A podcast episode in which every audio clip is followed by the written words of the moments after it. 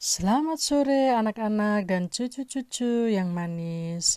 Uh, Oma sangat senang dapat berjumpa lagi dengan kalian ya. Di mana saja kalian berada, Oma Foni selalu rindu membawakan cerita-cerita dari Alkitab untuk kalian semuanya. Dan Oma harap kalian sehat-sehat selalu ya. Sebelum mendengarkan cerita, mari kita masuk di dalam doa. Tuhan Yesus yang sangat baik, kami berterima kasih untuk waktu yang Tuhan selalu berikan bagi anak-anak dan cucu-cucu di mana saja mereka berada. Dan terima kasih juga Tuhan sudah memelihara kami semua dengan penuh kasih sayang. Kami selalu rindu untuk mendengarkan cerita-cerita yang terambil dari Alkitab. Ajarkan kami untuk uh, mengerti akan firman-Mu ya Tuhan, agar menjadi berkat bagi kami semua. Di dalam nama Tuhan Yesus Kristus kami telah berdoa. Amin. Ya, kisah Ruth uh, sudah selesai ya. Uh, anak-anak dan cucu-cucu akhirnya Ruth bersama Naomi mereka berbahagia karena Tuhan sudah menolong mereka melalui Boas ya mereka mendapat tebusan ya. Uh, sebagaimana peraturan-peraturan uh, di Israel ya ini anak-anak ya. Khususnya di daerah uh, Boas tinggal itu ya. Uh, masih kaum uh, kaum dari dari Elimelek ya. Nah, jadi di daerah Bethlehem itu ya anak-anak dan cucu ya. Ya sekarang Oma mengambil cerita baru lagi di mana ini pujian ya pujian dari Hana. Karena apa? Lahirnya Samuel ya jadi cerita baru ya anak-anak dan cucu ya. Sekarang kita masuk untuk menceritakan mengenai Samuel ya. Lah di pegunungan Efraim ada seorang laki-laki bernama Elkana bin Yeroham bin Elihu bin Tohi bin Yusuf. Wah. Dan dia adalah orang Ifraim ya. Jadi mereka masih masih memakai bin bin ya anak-anak kalau di daerah timur tengah sana ya.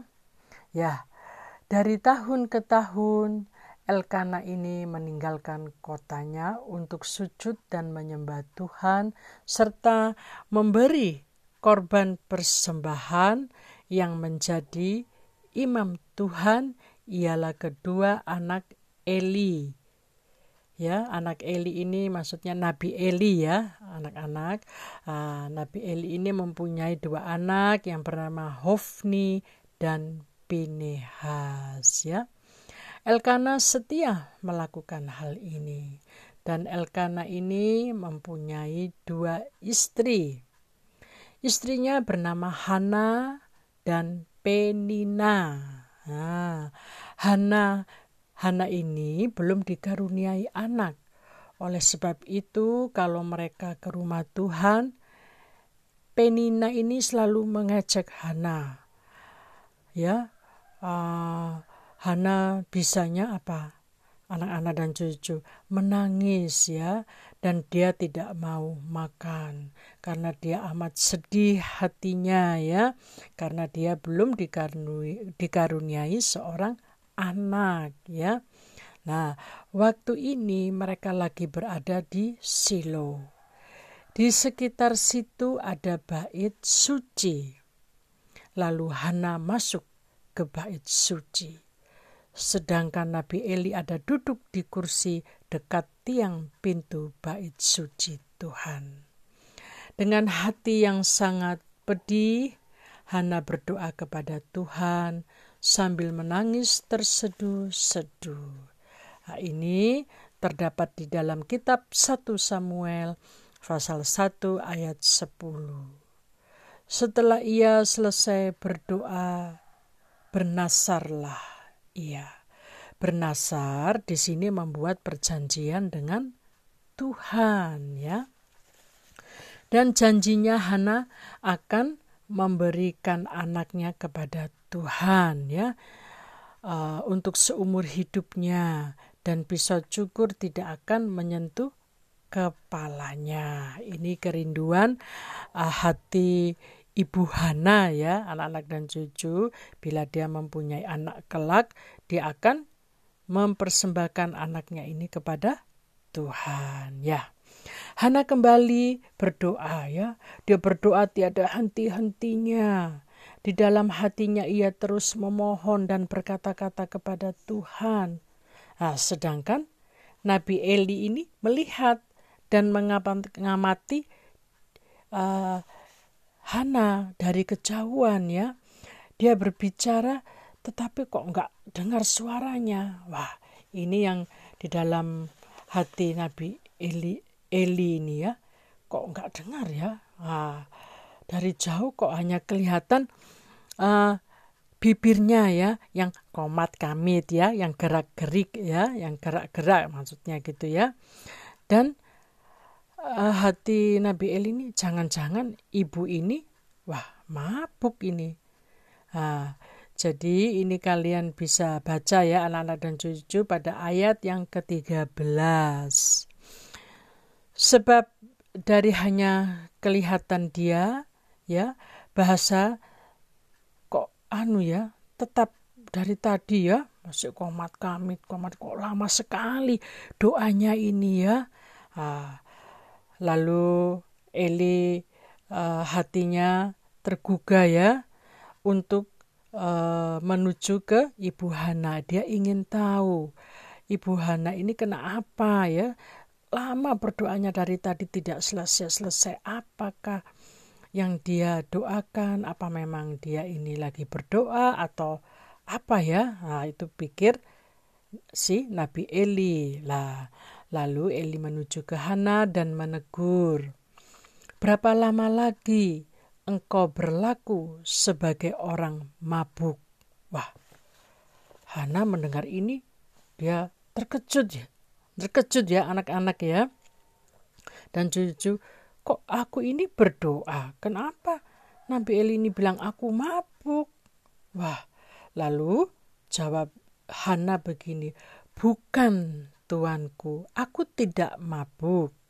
Aku seorang perempuan yang sangat bersusah hati.